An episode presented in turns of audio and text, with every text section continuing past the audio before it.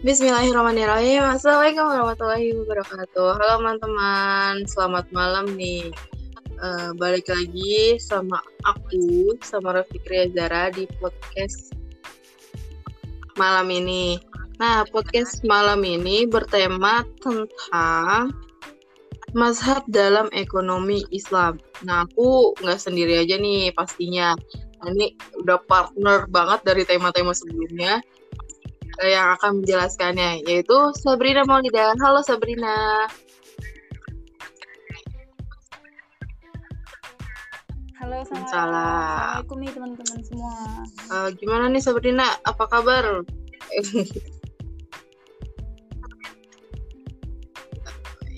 Alhamdulillah. Um, mau langsung apa gimana?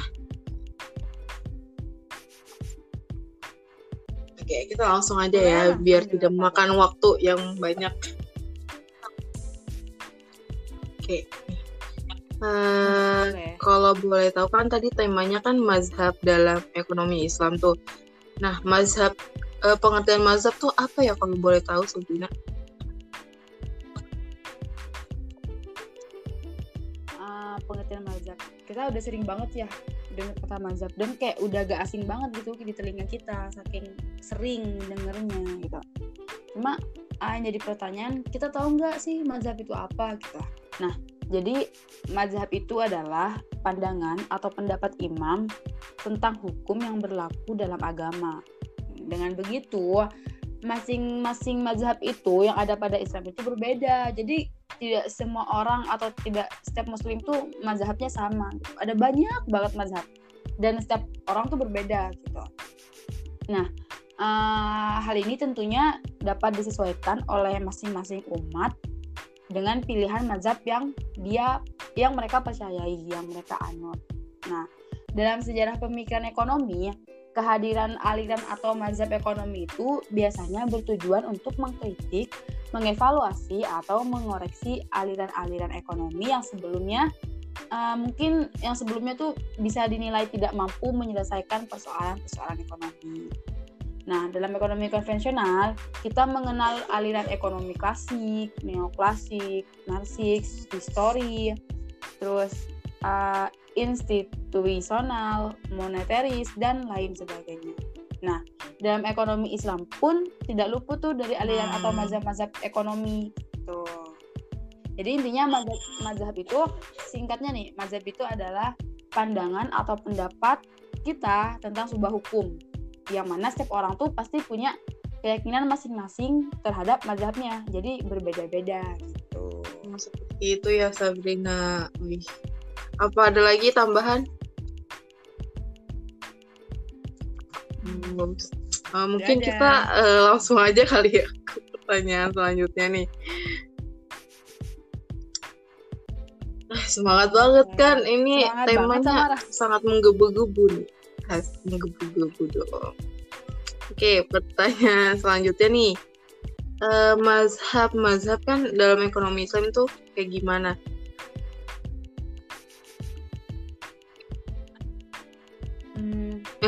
Sebenarnya tadi ti tadi ti sebenarnya tadi ti banyak yang aku omongin kan. Tadi yang aku ngomong itu mazhab tuh sebenarnya banyak tuh nah cuma pada pembahasan kali ini aku bakal ngebahas beberapa mazhab aja. Nah di Warman adalah salah seorang ahli bidang ekonomi Islam asal Indonesia.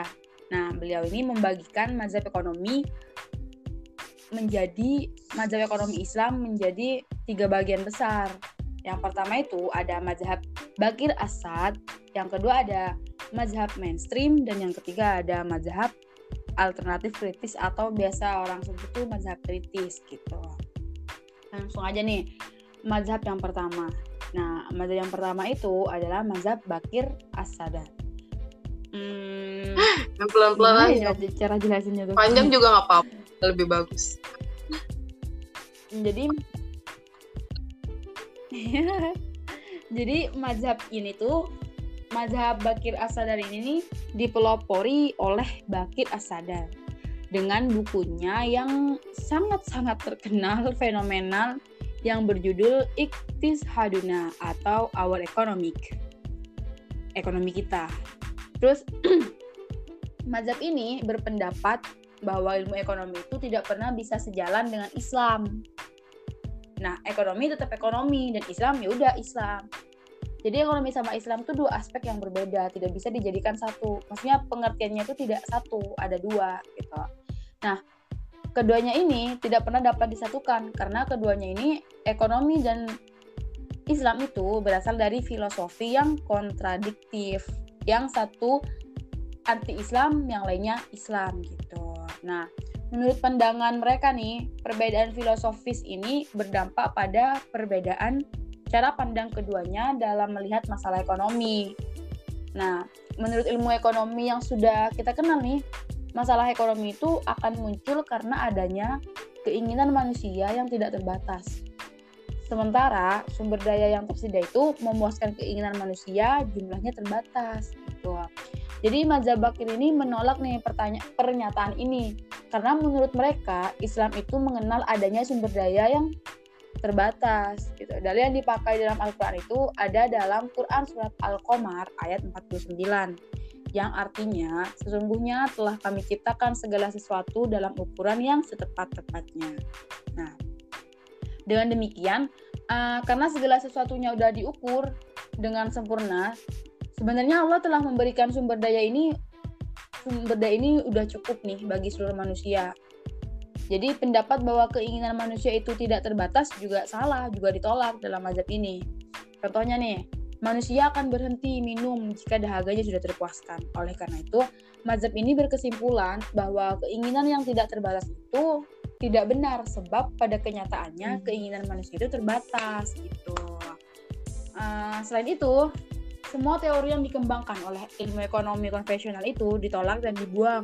Sebagai gantinya, mazhab ini itu berusaha menyusun teori-teori baru dalam ekonomi Islam.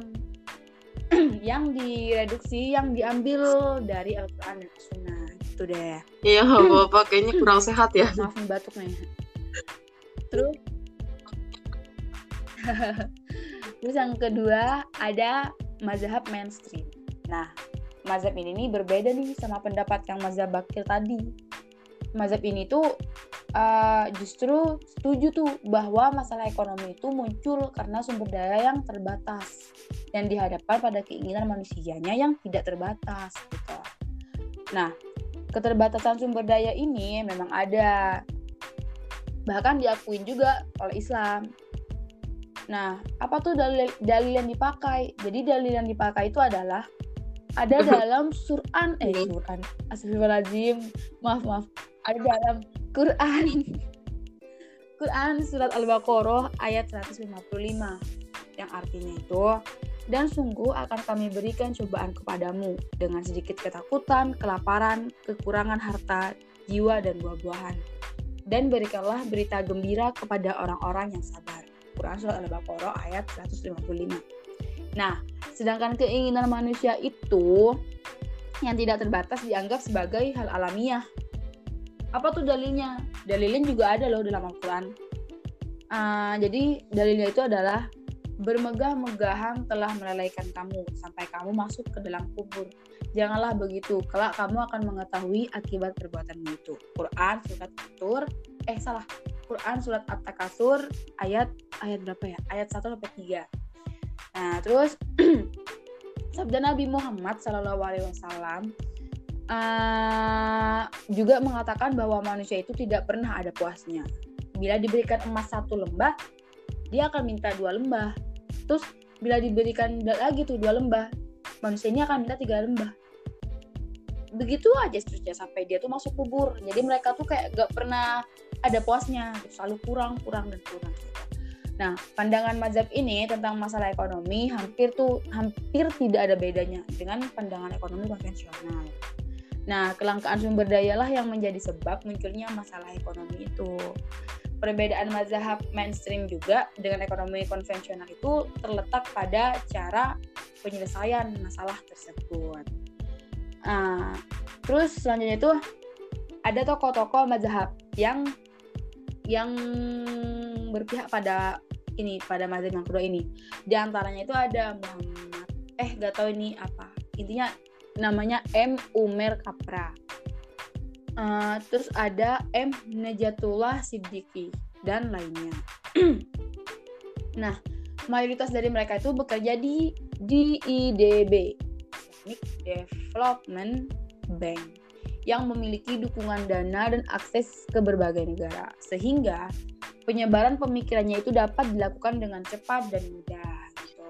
Mereka para dokter sekaligus profesor di bidang ekonomi juga uh, belajar dan ada juga yang mengajar sih di universitas-universitas barat.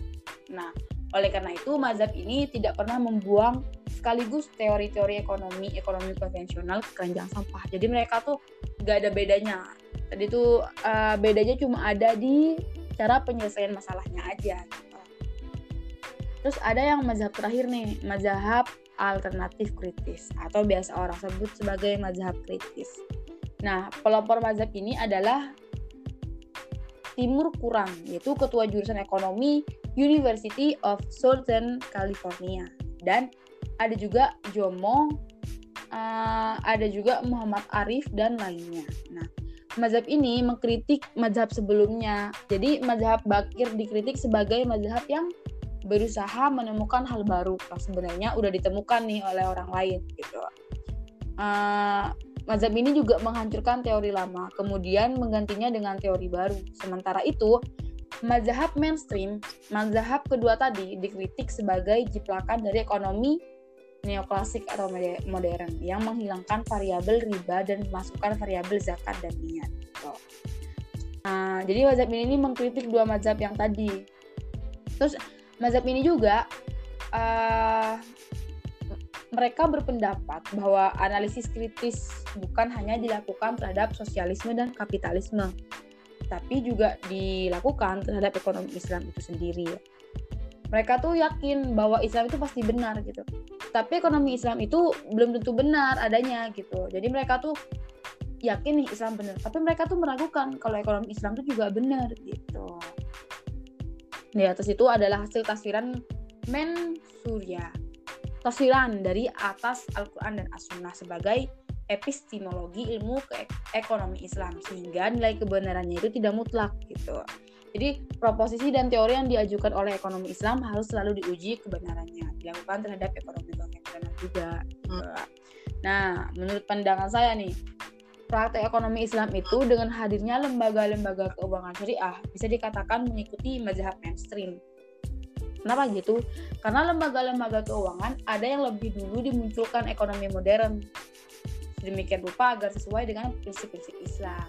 Kalau kita sadar sejarah nih ya, uh, metode elektris lah yang lebih tepat untuk mengembangkan ilmu ekonomi Islam itu. Artinya, ekonomi Islam harus berkomunikasi, berdialog, dan berhubungan dengan ilmu ekonomi modern yang sudah mapan dan sudah diterapkan untuk saat ini. Gitu. Masya Allah nih. Wih, jadi tambah ilmu lagi nih. Lebih mengerti lagi nih tentang mazhab. Mungkin uh, ada kesimpulan dari Sabrina.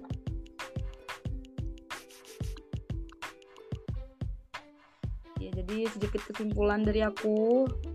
Jadi mazhab itu adalah pertama nih mazhab dulu. Mazhab itu adalah pandangan atau pendapat imam tentang suatu hukum yang berlaku pada agama. Mazhab itu banyak banget. Jadi uh, setiap muslim itu berbeda tuh punya keyakinan mazhab yang mereka yakini mana yang benar mana yang menurut mereka salah gitu mana yang maaf ma mana yang menurut mereka paling benar dan mana yang tidak tapi dalam mazhab dalam garis besar mazhab ekonomi Islam itu mazhab tentang ekonomi Islam itu ada tiga yang pertama ada mazhab Bakir As-Sadar yang kedua ada mazhab mainstream dan yang ketiga itu ada mazhab alternatif atau biasa disebut mazhab putih. Nih, itu deh. Dari kesimpulannya aja udah. juga udah bisa ini ya, udah cukup mengerti gitu.